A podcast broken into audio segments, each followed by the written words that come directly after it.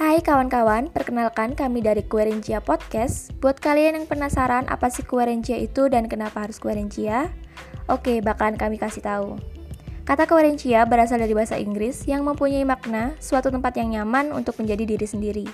Oleh sebab itu, kami menggunakan kata Querencia sebagai nama untuk podcast dengan harapan podcast ini dapat memberikan kenyamanan untuk semua pendengar. Sekarang kalian sudah tahu kan apa itu Querencia? Nah, podcast Querencia berisikan berbagai cuplikan kata-kata dari novel yang relate banget dengan perasaan yang sedang kalian alami. Buat kalian yang pengen novel kesayangannya dibacain, bisa DM ke IG Querencia. See you the next podcast.